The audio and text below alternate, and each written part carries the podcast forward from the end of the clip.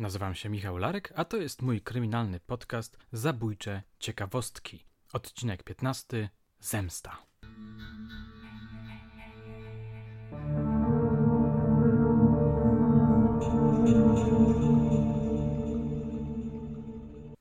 W poprzednim odcinku zaprezentowałem Wam nagranie, na którym major Wojtyniak opowiada historię zatytułowaną przeze mnie Mężowie i prostytutki. Powiedziałem wówczas, że oficer się rozkręcił i zaczął snuć opowiastki za opowiastkami, anegdoty za anegdotami. Posłużyłem się wówczas frazą policyjny dekameron. Było to oczywiście nawiązanie do słynnej książki Giovanniego Boccaccio, pisarza, który był znakomitym nowelistą. Skojarzenie to nasunęło mi się automatycznie. Gdy skończyłem pracę nad podcastem i zajrzałem do sieci, przeraziłem się. Obraz świata przedstawiany przez media był szalenie katastroficzny. Światem zawładnął wirus, nie wychodźcie z domu, nie lekceważcie ostrzeżeń, nie przesadzamy.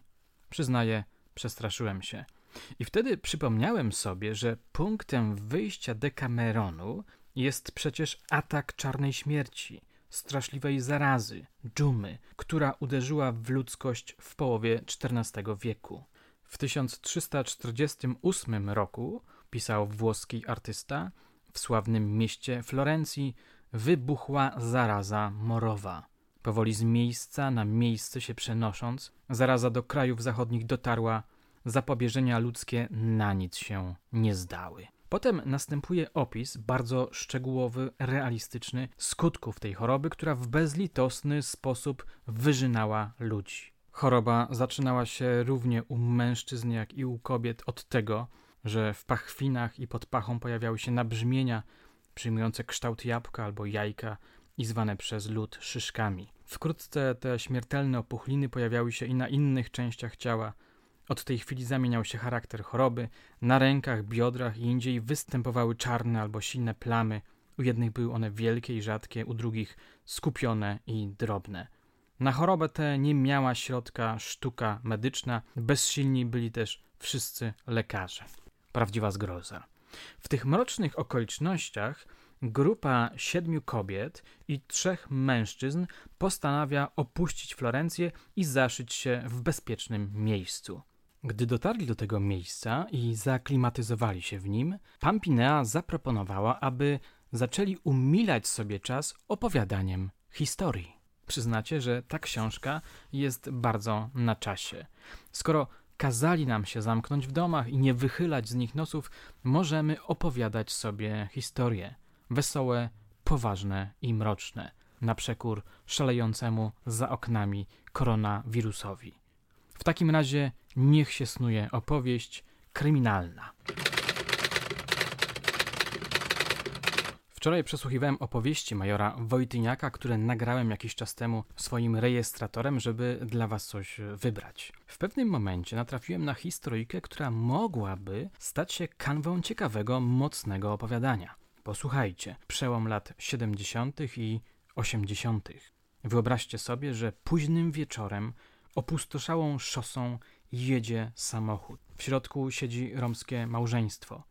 Z radia sączy się jakaś muzyczka, oni z rzadka do siebie coś mówią, zajęci własnymi myślami, nie zwracali uwagi na jadący za nimi od dłuższego czasu samochód. Nagle ów samochód przyspiesza, wyprzedza ich i gwałtownie się zatrzymuje, tarasując im drogę. Przerażony mężczyzna hamuje z piskiem opon. Z samochodu wybiegają zakapturzone postaci, w rękach trzymają broń. Z ich ust wydobywają się siarczyste przekleństwa. Krzycząc przeraźliwie, wyciągają brutalnie pobladłego mężczyznę z samochodu. Tak to właśnie mogło wyglądać, a teraz oddaję głos majorowi. Przes przesadzili go do swojego samochodu, wywieźli go do lasu, dali mu łopatę i kazali mu dół kopać. No wiesz, wyobraź sobie, dwóch facetów, pewnie z pluwem, na pewno ktoś miał z nich, bo chyba dwóch było z tego co pamiętam. No i z góry mu, yy, że jedynie może się uratować, jak wyda no, całą kasę, jaką ma tam, pieniądze, no, złoto i tak dalej. No, w takiej sytuacji myślę, że każdy był, yy, poszedł na wszystko. Także, yy, no wiesz, kto, jak, co, to, to już to, to mi uciekło, ale puścili tą Ninę, bo to była jego żona, tego, tego Jurka Sabo i kazali mu wszystko przywieźć z domu, co ma, pieniądze, bo inaczej go zabiją i zakopią. Nie wiem, czy ktoś ją obserwował, no, no już takie elementy mi uciekło.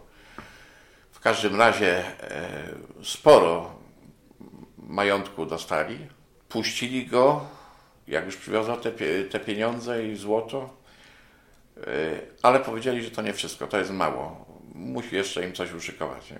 Później go, no, cygan był taki zestresowany, ten Jurek był taki zestresowany, powiem tobie, taki nie za wysoki facet, że no oczywiście, no pewnie po jakimś analizie zgłosili to na policję, zgłosili to na policję. Policja przyjęła od nich ustne zawiadomienie potem na, na protokół. Bardzo dokładnie y, to przeanalizowała i w związku z tym, że oni jednak zapowiadali, że wrócą jeszcze, bo ma im uszykować więcej tej kasy i złota, czegoś wszystkiego, no to y, kierownictwo postanowiło, że Wydział Kryminalny będzie zabezpieczał tą willę. On mieszkał w willi tu na przedłużeniu Umultowskiej. No, Umultowskiej. Nie ma już tej willi, została zrujnowana, takie przedszkole tam gdzieś powstało. Ileś dni yy, siedzieliśmy tam całe noce z bronią, wszystko, po dwie osoby. Ja z Bogdanem Nowakowskim siedziałem nie było żadnego sygnału, nikt się nie odzywał e, z przestępców, więc po paru dniach kierownictwo postanowiło nas wycofać. Policja ro robiła e, bardzo duże rozpoznanie tej sprawy. W tym czasie miałem kontakt z jego całą rodziną, tego Jurka. Udało się, ale po długim czasie działań dochodzeniowców, policjantów operacyjnych, ale tu wiem, że dochodzeniowcy dużo zrobili udało się ustalić, że przynajmniej inspiratorem, ale i wykonawcą e, tego napadu, tego rozbójniczego napadu, wymuszenia rozbójniczego, bo to tak zostało zakwalifikowane, byli Cyganie. Nie Polacy, tylko, znaczy nie biali, tylko Cyganie. Polscy Cyganie. I udało się ustalić nawet nazwisko inspiratora tego, e, e, tego napadu, z tym, że nie udało go się nigdy zatrzymać no nie wiem, rozpłynął się, nie było. Nawet pamiętam jego nazwisko, a to był Cygan. Nie z Poznania, gdzieś tam ze Śląska, z tych rejonów. Nigdy nie udało się go jakoś namierzyć. Nie wiem, czy dochodzeniowcy, no bo myśmy jak po jakimś czasie wycofali operacyjni, dochodzeniowcy, czy udało im się go namierzyć. Sprawa jakoś przycichła.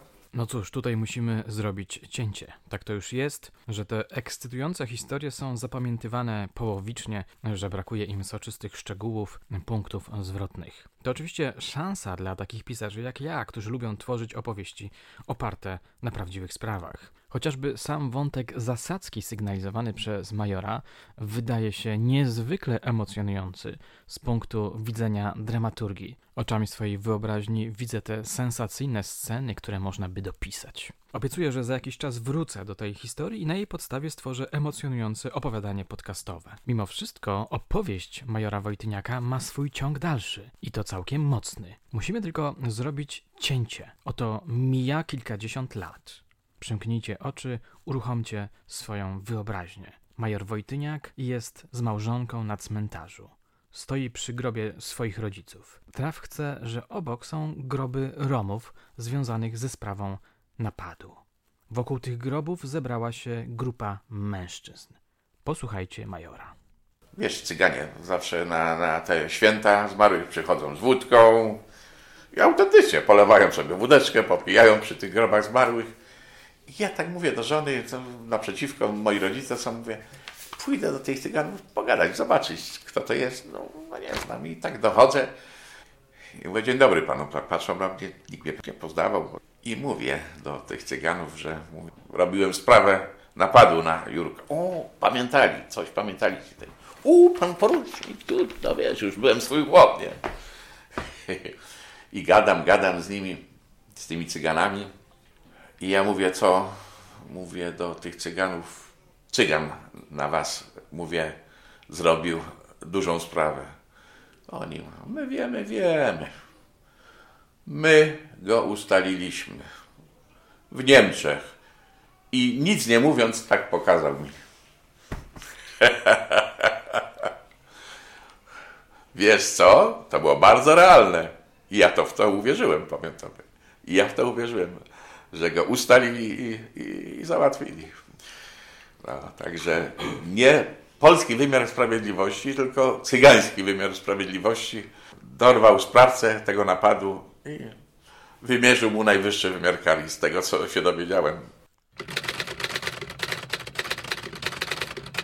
Taka jest puenta tej opowieści. Czy prawdziwa? A kto to może wiedzieć? Moje drogie, moi drodzy, na dzisiaj to wszystko. Dziękuję Wam za uwagę. Uważajcie na siebie, bądźcie ostrożni. Mam głęboką nadzieję, że niebawem wirus zniknie i wszystko wróci do normy. Do usłyszenia już niebawem.